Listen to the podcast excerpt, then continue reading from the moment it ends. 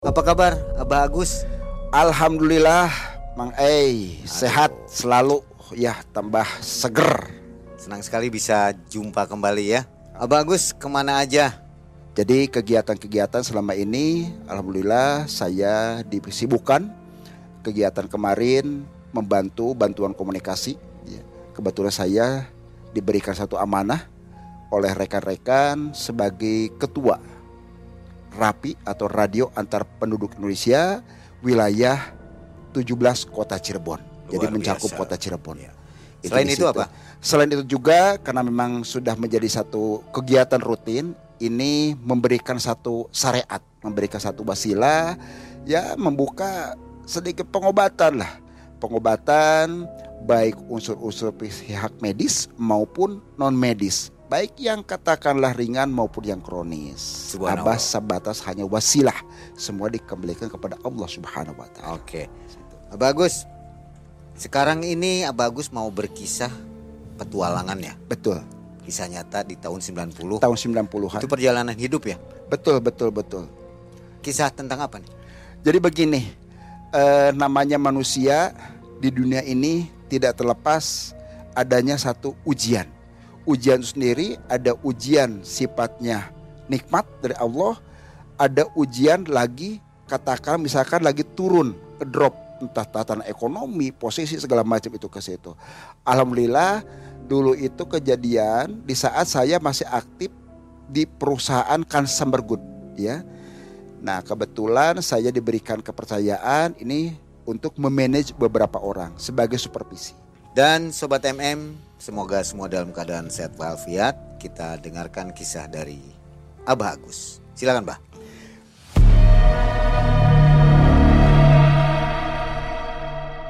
Jadi begini, kisaran tahun 90 ya, 1950 berarti saya usia ya masih kepala tiga lah. Nah, saya tidak terlepas karena memang tuntunan dari orang tua dari dulu mau pergi ke mana pun juga, mangga, cuma jangan lupa dua hal, satu sholat, ya ibadah kita kepada Allah Subhanahu Wa Taala dan juga adalah jujur ke arah situ. Dua inilah yang orang tua saya wariskan kepada saya sampai sekarang sendiri, ibadah dan kejujuran. Insya Allah dua hal tersebut dipegang, ke mana pun kamu melangkah, Allah akan berikan satu kemudahan. Nah saya karena sudah dari dulu dari orang tua itu melakukan puasa sunnah Senin dan Kamis. Puasa sunnah ini sendiri bukan berarti kita karena lagi ada kepentingan, ada keinginan sesuatu tidak ada. Memang selain faktor untuk sehat juga ya. Nah ternyata kurang lebih puasa Senin Kamis itu eh, ada 6 sampai 10 bulanan dulu tuh kan ya. Di saat katakanlah melakukan proses puasa Senin Kamis itu sendiri, itu ada semacam getaran kepada saya tuh. Ada semacam getaran ya, terusan juga di satu majelis tawasulan tempo hari itu. Nah melihat sosok Ustadz itu sendiri setelah selesai tawasulan ada satu cahaya. Cahaya yang putih bersih. Nah dari situ dengan spontan saya, Ustadz itu cahaya apa? Nah majelis yang ada di situ pada kaget. Nah dari situ warna atau cahaya yang putih bersih itu berubah jadi warna pelangi dan masuklah melalui ubun-ubun saya. Ya mungkin kalau bahasa sekarang ini sebutnya cakra mahkota. Nah dari situ saya dalam kondisi sadar ya. Sadar cuma tidak mampu mengendalikan. Nah akhirnya menyampaikanlah bahwa saya adalah yang dari yang masuk ke badan saya itu ngakunya adalah Buyut Sosro Projo. Istri saya Ambu Jumlia, anak saya dua perempuan semua, yang satunya namanya Siti Rodia dan yang satunya ini agak bandel katanya. Kalau bahasa Jawa itu agak dableg. Namanya Nyi Ratu Rana Kembang. Tolong kalau nanti ketemu ular besar jangan diganggu itulah anak saya. Itu ceritanya dari awal. Nah akhirnya spontanitas majelis yang ada di situ tuh terutama ustadznya bagus coba keluarin. Waduh saya nggak bisa cara pengeluarannya. Udah di dalam hati aja saya minta air aja Ustaz kata kan. Nah perasaan tuh udah keluar dari yang masuk tuh kan. Begitu Ustadz membacakan amalan-amalan apa di saat gelas yang isi air mau dikasihkan saya mau ambil itu langsung menolak. Akhirnya si Ustadz tadi nyampaikan Pak Agus coba dalam hati ikhlaskan dan ridokan supaya makhluk itu bisa keluar. Akhirnya saya mengulang lagi bacakan bah tolong dikeluar dulu. Nah sebelum keluar dia memberikan rapalan. Yang selama ini memang saya sering dawamkan. Yaitu dengan syahadat asyhadu alla ilaha illallah wa asyhadu anna muhammad rasulullah. Itu saya sering baca 33 kali di saat sholat duhur, sholat asar, sholat maghrib. Nah kalaupun sholat isya itu saya bacanya 333. Nah subuhnya tetap saya baca 33. Akhirnya ya itulah ketemu dengan namanya Buyus Sosoprojo, Ambu Jumlia, Nyisi Nyiratu Rana Kembang. Nah dari situ saya minumkan, akhirnya terminumlah air tersebut ya. Nah kebetulan kejadian itu puncaknya pas waktu Kamis malam Jumat, Kliwon persis. Ya. Nah saya pun agak makmum ya, karena tidak ada yang menuntun mursidnya guru saya nggak ada hanya jalan sendiri akhirnya tuh keimpen keimpen kemimpi bahwa saya harus lakukan puasa puasanya ngangserep waduh ngangserep itu apa kasih nggak pernah ngerti dunia-dunia hal-hal tersebut yang tahu saya puasa Ramadan memang sudah menjadi kewajiban setiap muslim dan juga ya puasa-puasa sunnah Senin Kamis ataupun puasa Daud. Ini ada bahasa puasa ngangser, ngangser gak ngerti saya. Akhirnya bertanyalah ke tetangga, ternyata ngangser itu begini-begini akhirnya saya jalankan. Nah begitu dijalankan karena titahnya dari buyut tadi adalah tiga hari saya jalankan.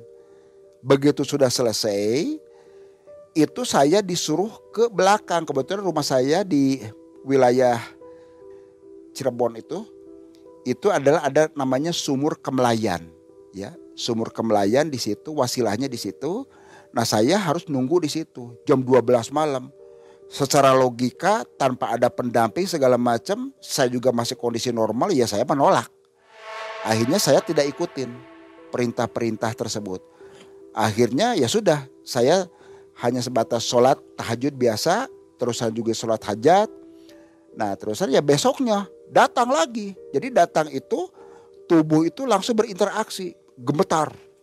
Gurduk, gurduk, Pas lagi ngobrol aja sama saudara, teman atau sahabat itu, badan tuh begini.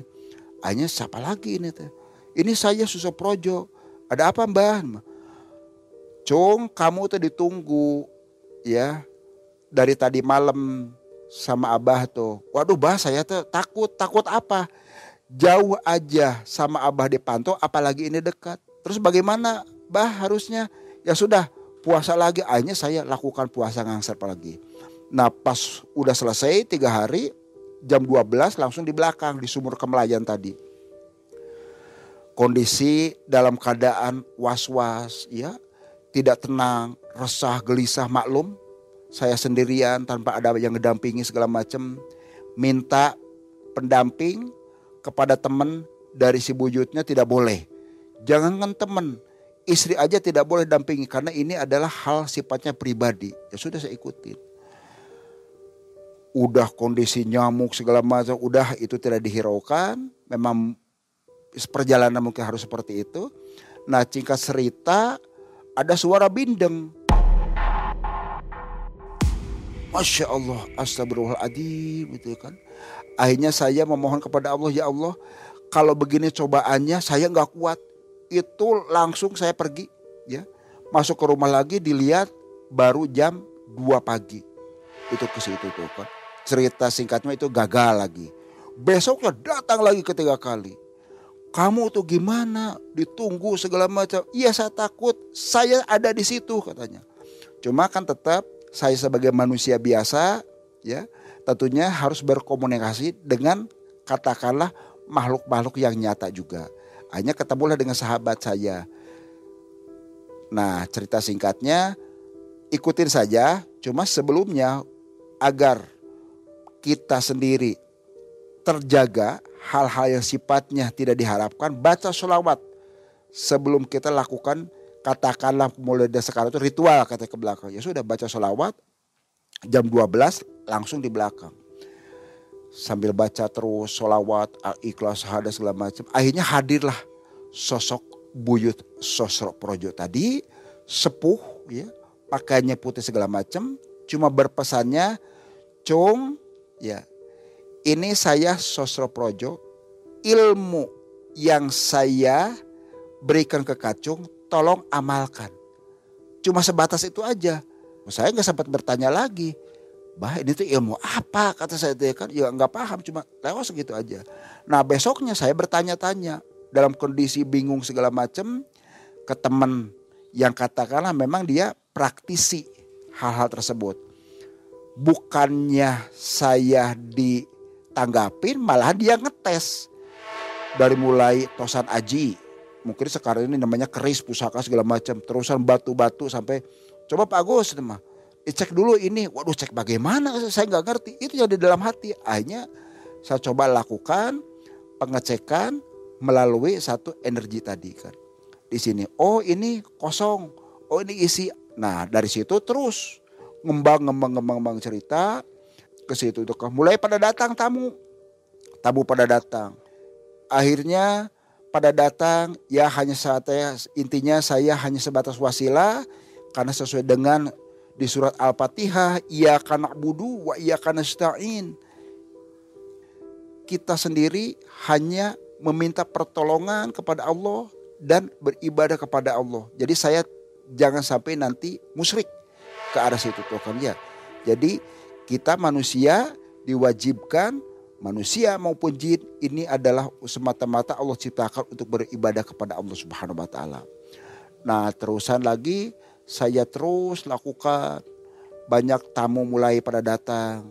Hanya saya hanya dituntutnya dari yang ada di dalam tadi. Babuyut, ini oh ini mah medis oh ini mah bukan bukan non medis itu sampai ke arah situ ini penyakitnya apa itu tangan dengan sendiri gerak langsung ke titik sumber penyakitnya sampai ramuan-ramuan sendiri saya juga tidak paham itu dengan spontanitas ramuannya ini ini ini itu ke arah situ tuh cuma kan kembali saya sebagai manusia biasa makhluk lemah tentunya kan perlu mencari guru yang betul-betul katakanlah bisa memberikan jalan yang terbaik. Meluruskan jangan sampai saya timbul ke hal yang sesat. Nah dari situlah mulai pada datang. Ada mulai orang yang sakit panas, hanya wasilah dari air saja. Ada orang yang katakanlah tiba-tiba di rumah tersebut ada yang datang ke saya itu ada sosok ular besar katanya kan. Akhirnya saya datangin ternyata ular itu sudah tidak ada. Coba di situ ada pohon randu dua itu kita langsung lakukan satu deteksi ya melalui tangan ini sendiri itu ternyata ada makhluk di antara dua pohon randu itu satu yang dihuninya.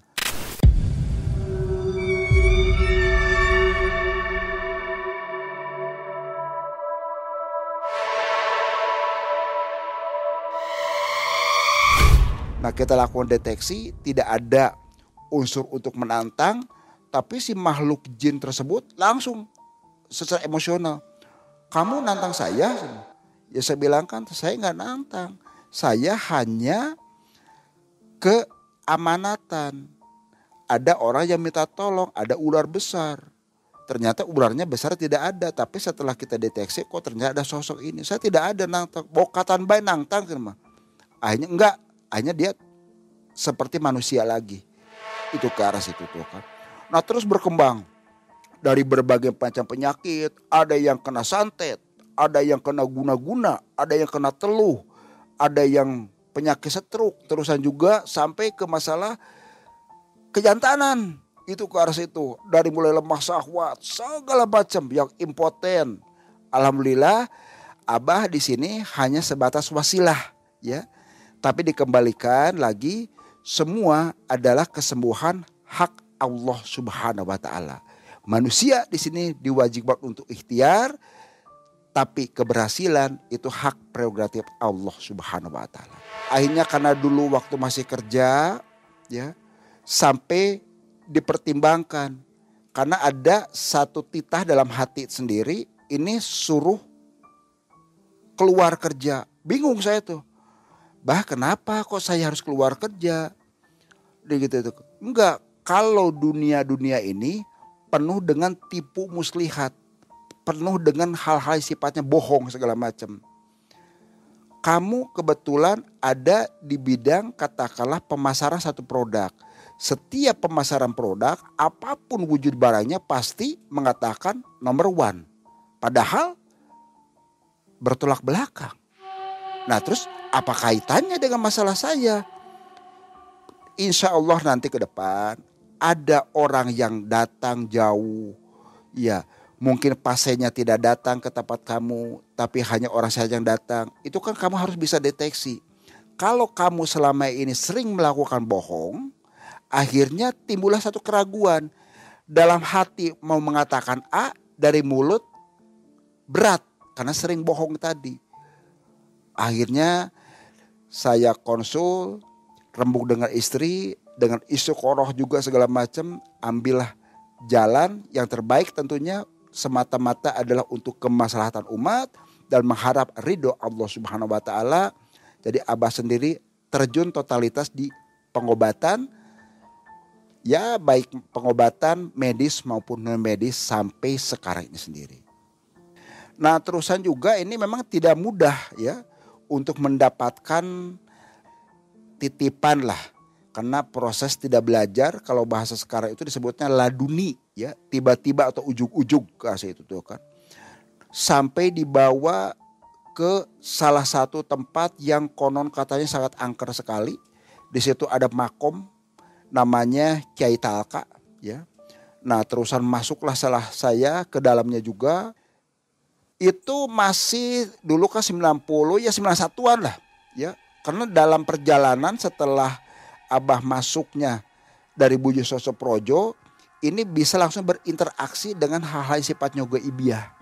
Dari mulai katakanlah disebutnya mungkin orang kuntilanak, putih segala macamnya rambut panjang. Cuma kalau muka tidak kelihatan. Kebetulan dia lagi ngadepnya ber, ber, ber, belakangan terus yang namanya katakanlah tuyul tuyul bukan berarti kecil gini.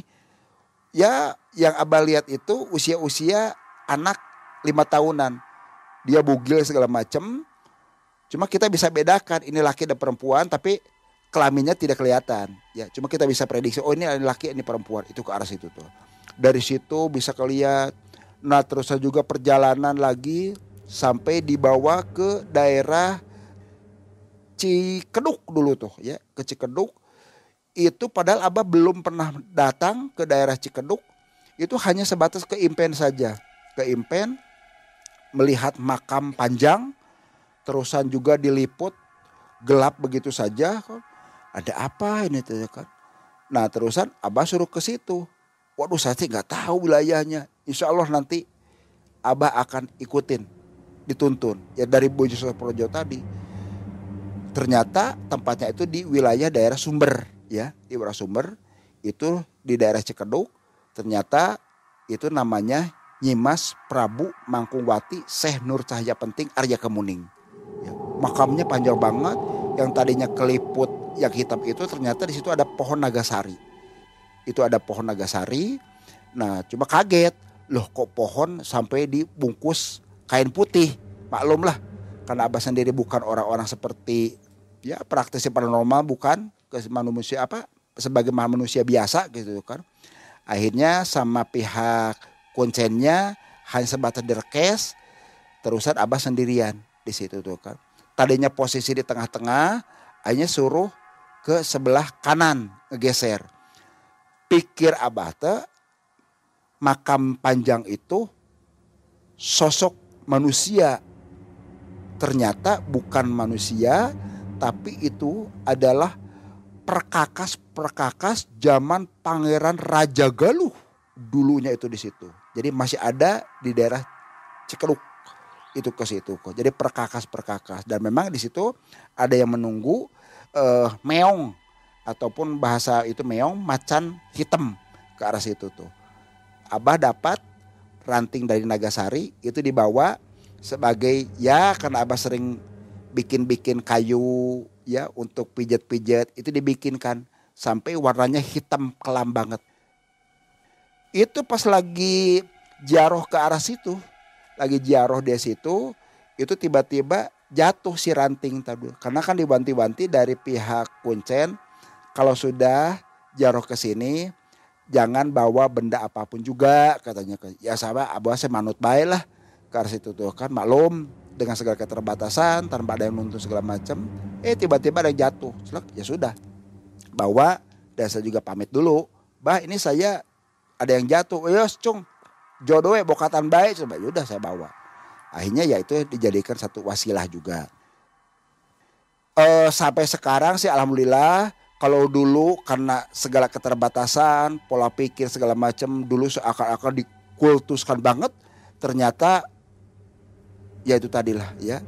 Hal-hal yang katakan misalkan cincin, tosan aji, apalagi kayu tadi Nagasari itu udah direlung semua ya. Jangan sampai nanti Abah juga khawatir sesat ke situ. Jadi sekarang ini mutlak memohon kepada Allah Subhanahu wa taala. Ada satu kejadian yang katakanlah sampai Abah sendiri bikin merinding, ya, bikin merinding. Ada salah satu dari Cilacap tempo hari itu datang ke tempat Abah. Yang sakit adalah bapaknya. Abah lakukan dengan media totok sarap segala macam, terus dikasih air, alhamdulillah yang tadinya jalannya sampai terpincang-pincang bisa langsung jalan seperti biasa. Nah terus anaknya ya dari bapaknya tadi bagus tolong anak saya.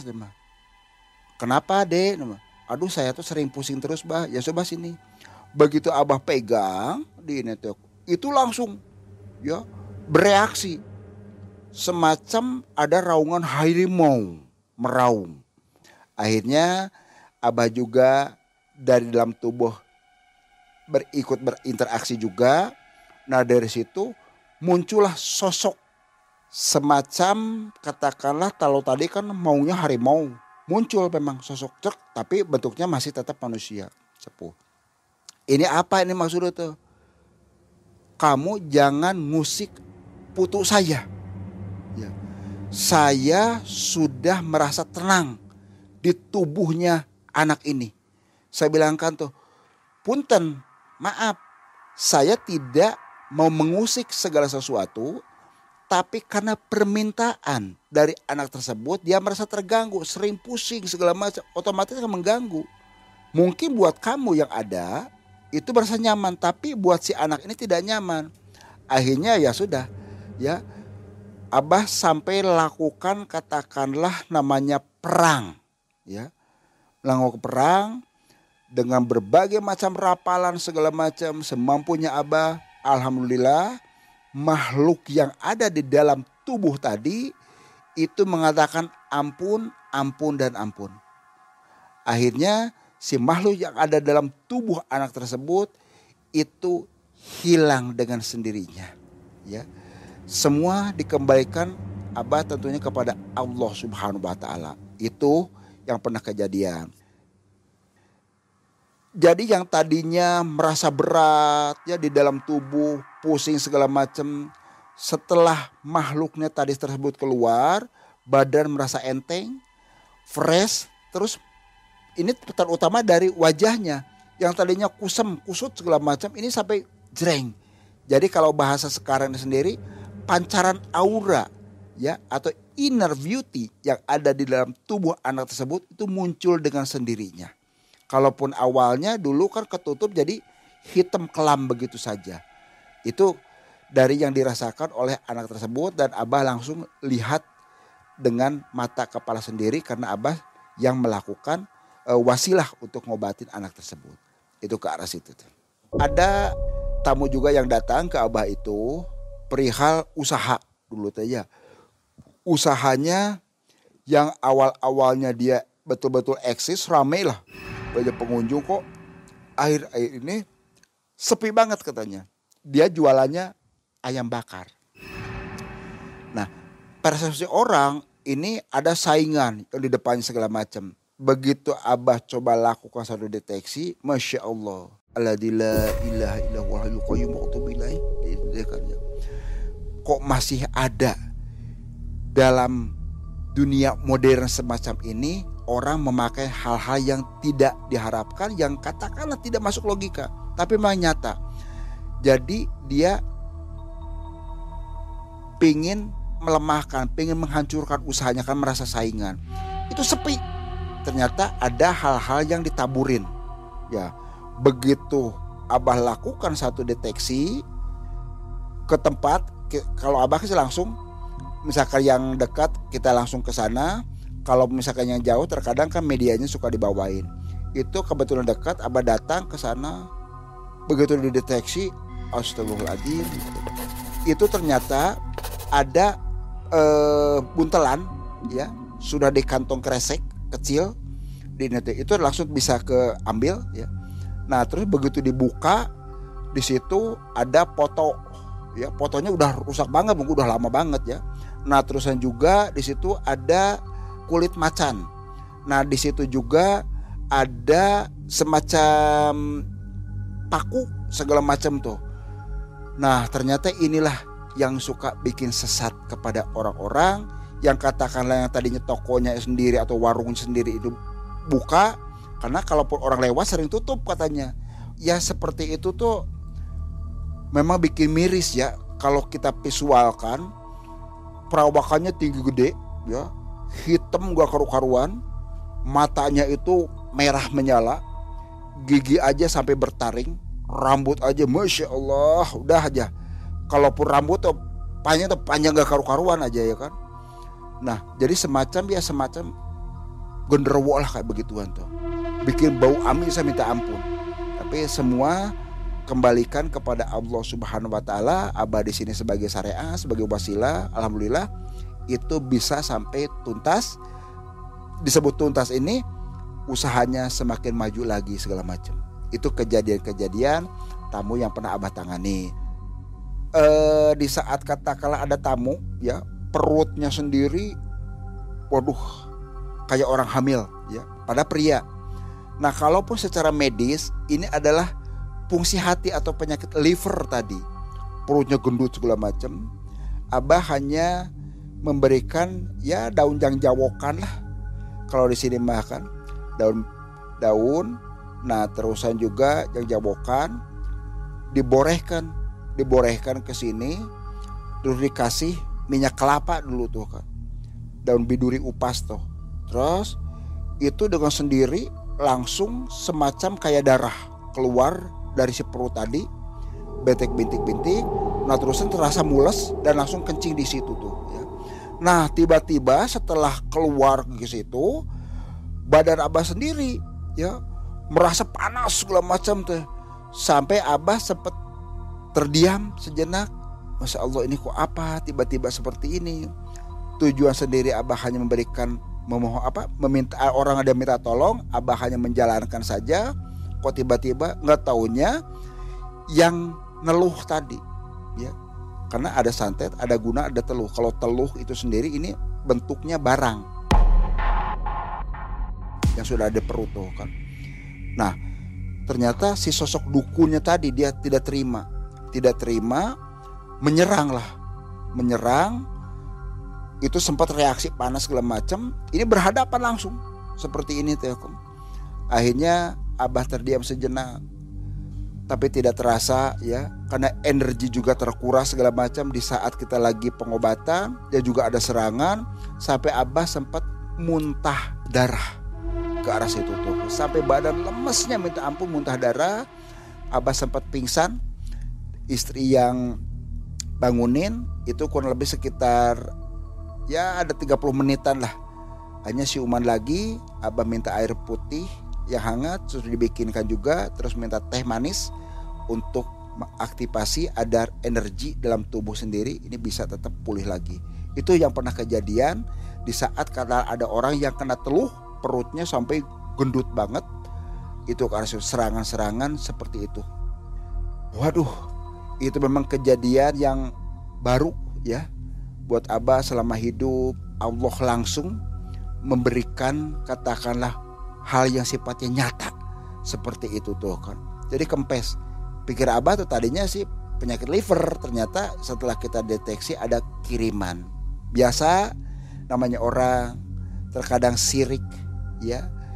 Jail kadiaya kabatur kalau bahasa Sunda ya seperti itu tuh kan jadi kalaupun perihal serang menyerang ya itu bukan kejadian satu dua kali. Jadi kalau setiap sudah melakukan penetralisir ya hal-hal yang sifatnya kiriman, entah kiriman santet, entah kiriman teluh ya ataupun guna-guna itu sudah pasti ada serangan ya. Nah, cuma alhamdulillah Abbas suka ada sinyal. Aja turu cung akhirnya karena ini sudah menjadi satu kerjaan abah jadi abah kalau malam itu nggak pernah tidur ya sampai nanti tidur sendiri insya Allah setelah pada subuh itu baru bisa istirahat. Nah itu terkadang datang ada semacam bentuk bola api yang datang penyerangan tuh. Bola api tapi tidak sampai nyampe ke rumah cuma udah baru nyampe kurang lebih sekitar jarak 5 meter itu jatuh dengan sendiri. Jatuh dengan sendiri cuma begitu dilihat wujudnya tidak ada ya. Cuma kalau serangannya datang bola api cuma bekasnya saja daun pisang itu sampai terbakar. Itu pernah kejadian. Terusan juga pernah kejadian lagi ada burung gagak. Waduh kata saya ini ada gagak dari mana? Itu datang nyampe ke rumah ya. Itu alhamdulillah bisa ternetralisir kembali ya. Itu ke situ. Kalaupun misalkan kiriman kayak kenteng segala macam sering bunyi peralak peralak peralak itu kan. Padahal hujan enggak segala macam itu sudah biasa. Tapi alhamdulillah hal-hal yang sifatnya serangan itu Allah masih melindungi abah anak putu dan istri abah sendiri karena abah di sini semata-mata adalah untuk menolong kepada orang-orang yang membutuhkan karena abah tidak ada cita-cita pengen jadi paranormal, pengen jadi orang pinter, tidak ada ke. Abah hanya sebatas manusia biasa, makhluk yang sifatnya doib itu tadi. Abah dari sekian banyak pengobatan, ya. ada nggak yang ingin minta diputuskan perjanjian karena dia melakukan pesugihan, bah? Baik, Mang Ai ya, Abah jawab ada tempo hari itu bukan satu dua sebetulnya yang datang ke tempat Abah. Jadi dia itu sendiri ini ngipri lah itu ke ular ya. Jadi bisnisnya sendiri dulu tuh ya mohon nanti untuk namanya ini karena menjaga satu privasi ya inisial DA saja ya. Inisial D ini dia adalah pengusaha ayam dulunya.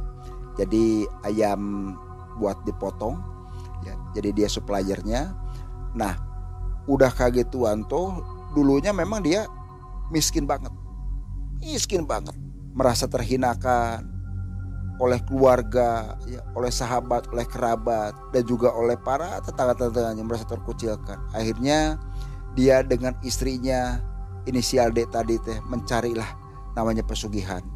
Mendapatkanlah di salah satu tempat mungkin abah juga tidak expose ya ini privasi. Nah cerita singkatnya dia mendapatkanlah apa yang diharapkan ujung-ujungnya ke masalah pulus ke masalah cuan tadi. Betul dia mendapatkan cuma itu tadi hasil yang dia dapatkan ya sampai usaha bidang ayam tadi. Tapi nggak lama mobilnya sering tabrakan ya. Anak buahnya, karyawannya sering sakit-sakitan. Terusan juga dalam kehidupan rumah tangganya sendiri yang konon katanya kalau dengan banyak duit bisa tenang nyaman ternyata bertolak belakang. Makanan dia tidak bisa makan makanan unsur-unsur yang bernyawa. Terusan juga setiap malam namanya kliwon ya itu dia harus menyiapkan tempat ritual khusus dan yang paling berat itu adalah tidak boleh pasatemon atau hubungan suami istri. Ini yang bikin berat tuh ke situ. Kurang lebih dia ternyata menjalankan kehidupan itu sekitar enam tahunan ya merasa tersiksa Akhirnya dia datang ke tempat Abah menceritakan seperti yang tadi disampaikan. Tujuannya apa? Dia ingin memutus. Memutus yang sudah menjadi satu kesepakatan. Memang tidaklah mudah. Karena kalau memutus hal yang sudah kita bikin satu agreement, dibikin satu perjanjian tidak mudah begitu saja. Harus kedua belah pihak ada satu keselarasan. Ya. Karena awalnya dia yang meminta hal-hal yang sifatnya aneh, nyeleneh ke siluman. Tapi semua dikembalikan. Mari kita sama-sama memohon tobat kepada Allah Subhanahu wa taala. Insya Allah Allah akan memberikan satu jalan, satu petunjuk. Ya, alhamdulillah Nah nyambung tadi karena sudah ada izin tadi nyampaikan di saat kita lakukan satu prosesi pengobatan tadi ya, dia menggelepar menggelepar sampai katakanlah itu tadi cerita singkatnya dengan abah bereaksi langsung berantem semacam itu tuh cuma berantem tidak langsung kontak begini tidak kontak fisik tapi jarak gini aja kurang lebih sekitar meter. Dianya terjungkal abah juga terjungkal sampai Abah juga berkeringat segala macam padahal ruangan ke segala macam tuh kan sampai Abah dari sini keluar darah ya. Dari pori-pori itu ke arah situ masya Allah kata saya. Kan tapi ya kembali di atas bantuan semua. Manusia tidak ada dari upaya semua dikembali kepada Allah Subhanahu wa taala. Keluarlah sosok yang namanya makhluk yang ada di tubuh si inisial D tadi. Itu ular keluarnya langsung dari mulut tadi.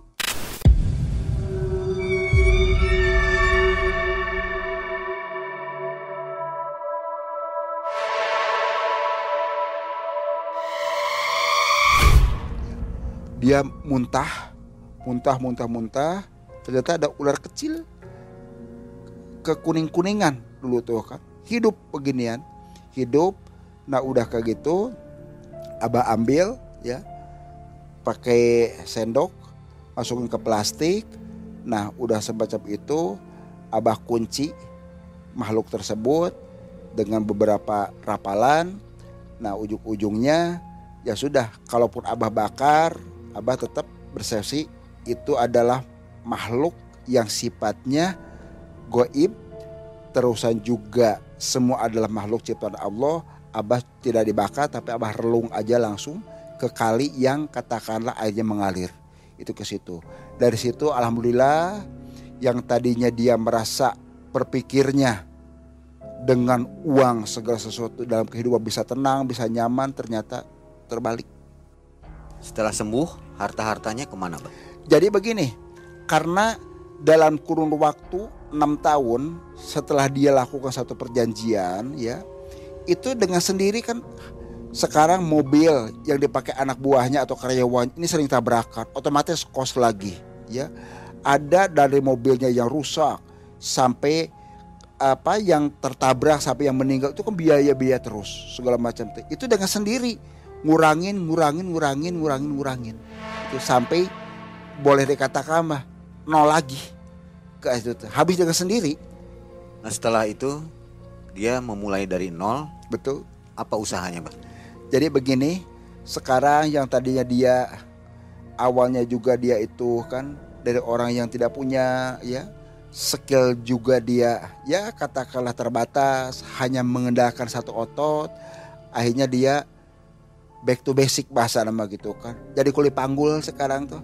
Tapi betul-betul dia bisa bersyukur saya harus lakukan seperti ini. Yang terpenting saya minta ridho dari Allah Subhanahu wa taala berapapun yang dia dapatkan itu dia betul-betul disyukurin. Kembali ke awalnya sebagai kuli panggul lagi. Oke. Bah ada nggak tips untuk kita orang awam ini? Cara protek bah maksudnya kita mm -hmm. makan di tempat yang ini pakai pesugihan yeah. atau ini enggak itu gimana bah tipsnya yeah. bah? Jadi begini memang tidak semua manusia sendiri peka unsur batinnya apakah rumah makan tersebut atau warung tersebut mendapatkan pelaris atau disebabkan ada hal-hal sifatnya pesugihan segala macam tidak semua orang peka. Nah, kalaupun misalkan untuk rekan-rekan makanya sahabat MM, di saat kita mau makan, bacalah doa kita makan. Itu kasih itu yang pertama, makanya kita diwajibkan untuk membaca doa-doa tersebut.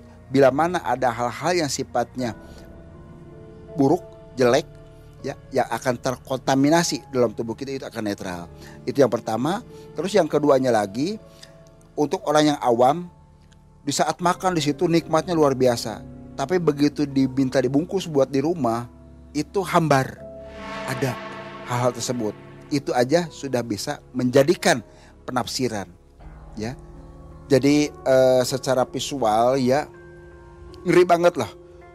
Meja makan yang panjang itu sosok-sosok manusia yang saling menikmati di situ makan tersaji ternyata hal-hal yang sifatnya goib tadi itu ada di atas meja tadi sampai masya Allah jijik lihatnya jilatin.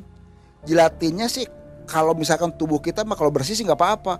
Ini sudah umbelnya pada keluar sudah kotor segala macam akhirnya itulah yang bisa bikin nikmatnya nah memang dikembalikan untuk sahabat MM tidak semua orang peka untuk hal-hal tersebut ya. Tapi orang-orang tertentu saja ya diberikan satu daya linawi untuk membuka tabir-tabir goib semacam itu. Tapi tidak semua bah ya restoran rumah makan melakukan itu ya bah ya? Tidak semua ya. Jadi eh, tidak semua restoran atau rumah makan yang betul-betul dia lagi eksis segala macam melakukan hal-hal yang sifatnya di luar nalar tentunya butuh proses yang waktu yang cukup panjang. Jadi betul-betul ikhtiar secara islami ya. Doa dan juga ikhtiarnya ke arah situ. Oke, terpenting itu Mbak ya. Iya. Melakukan usaha apa pun, doa dan ikhtiar iya. tadi. Baik, Abah, ini kisah yang banyak menginspirasi untuk kita semua, Bah. Terima kasih. Nah, sobat MM, jika ingin mendengarkan kisah Abah lebih lanjut karena masih banyak kisah-kisah lainnya silahkan komentar di bawah. Terima kasih Abah Agus. Mudah-mudahan selalu sehat. Amin amin amin. Dan Mang Ei serta tim MM undur diri. Assalamualaikum warahmatullahi wabarakatuh. Waalaikumsalam warahmatullahi wabarakatuh.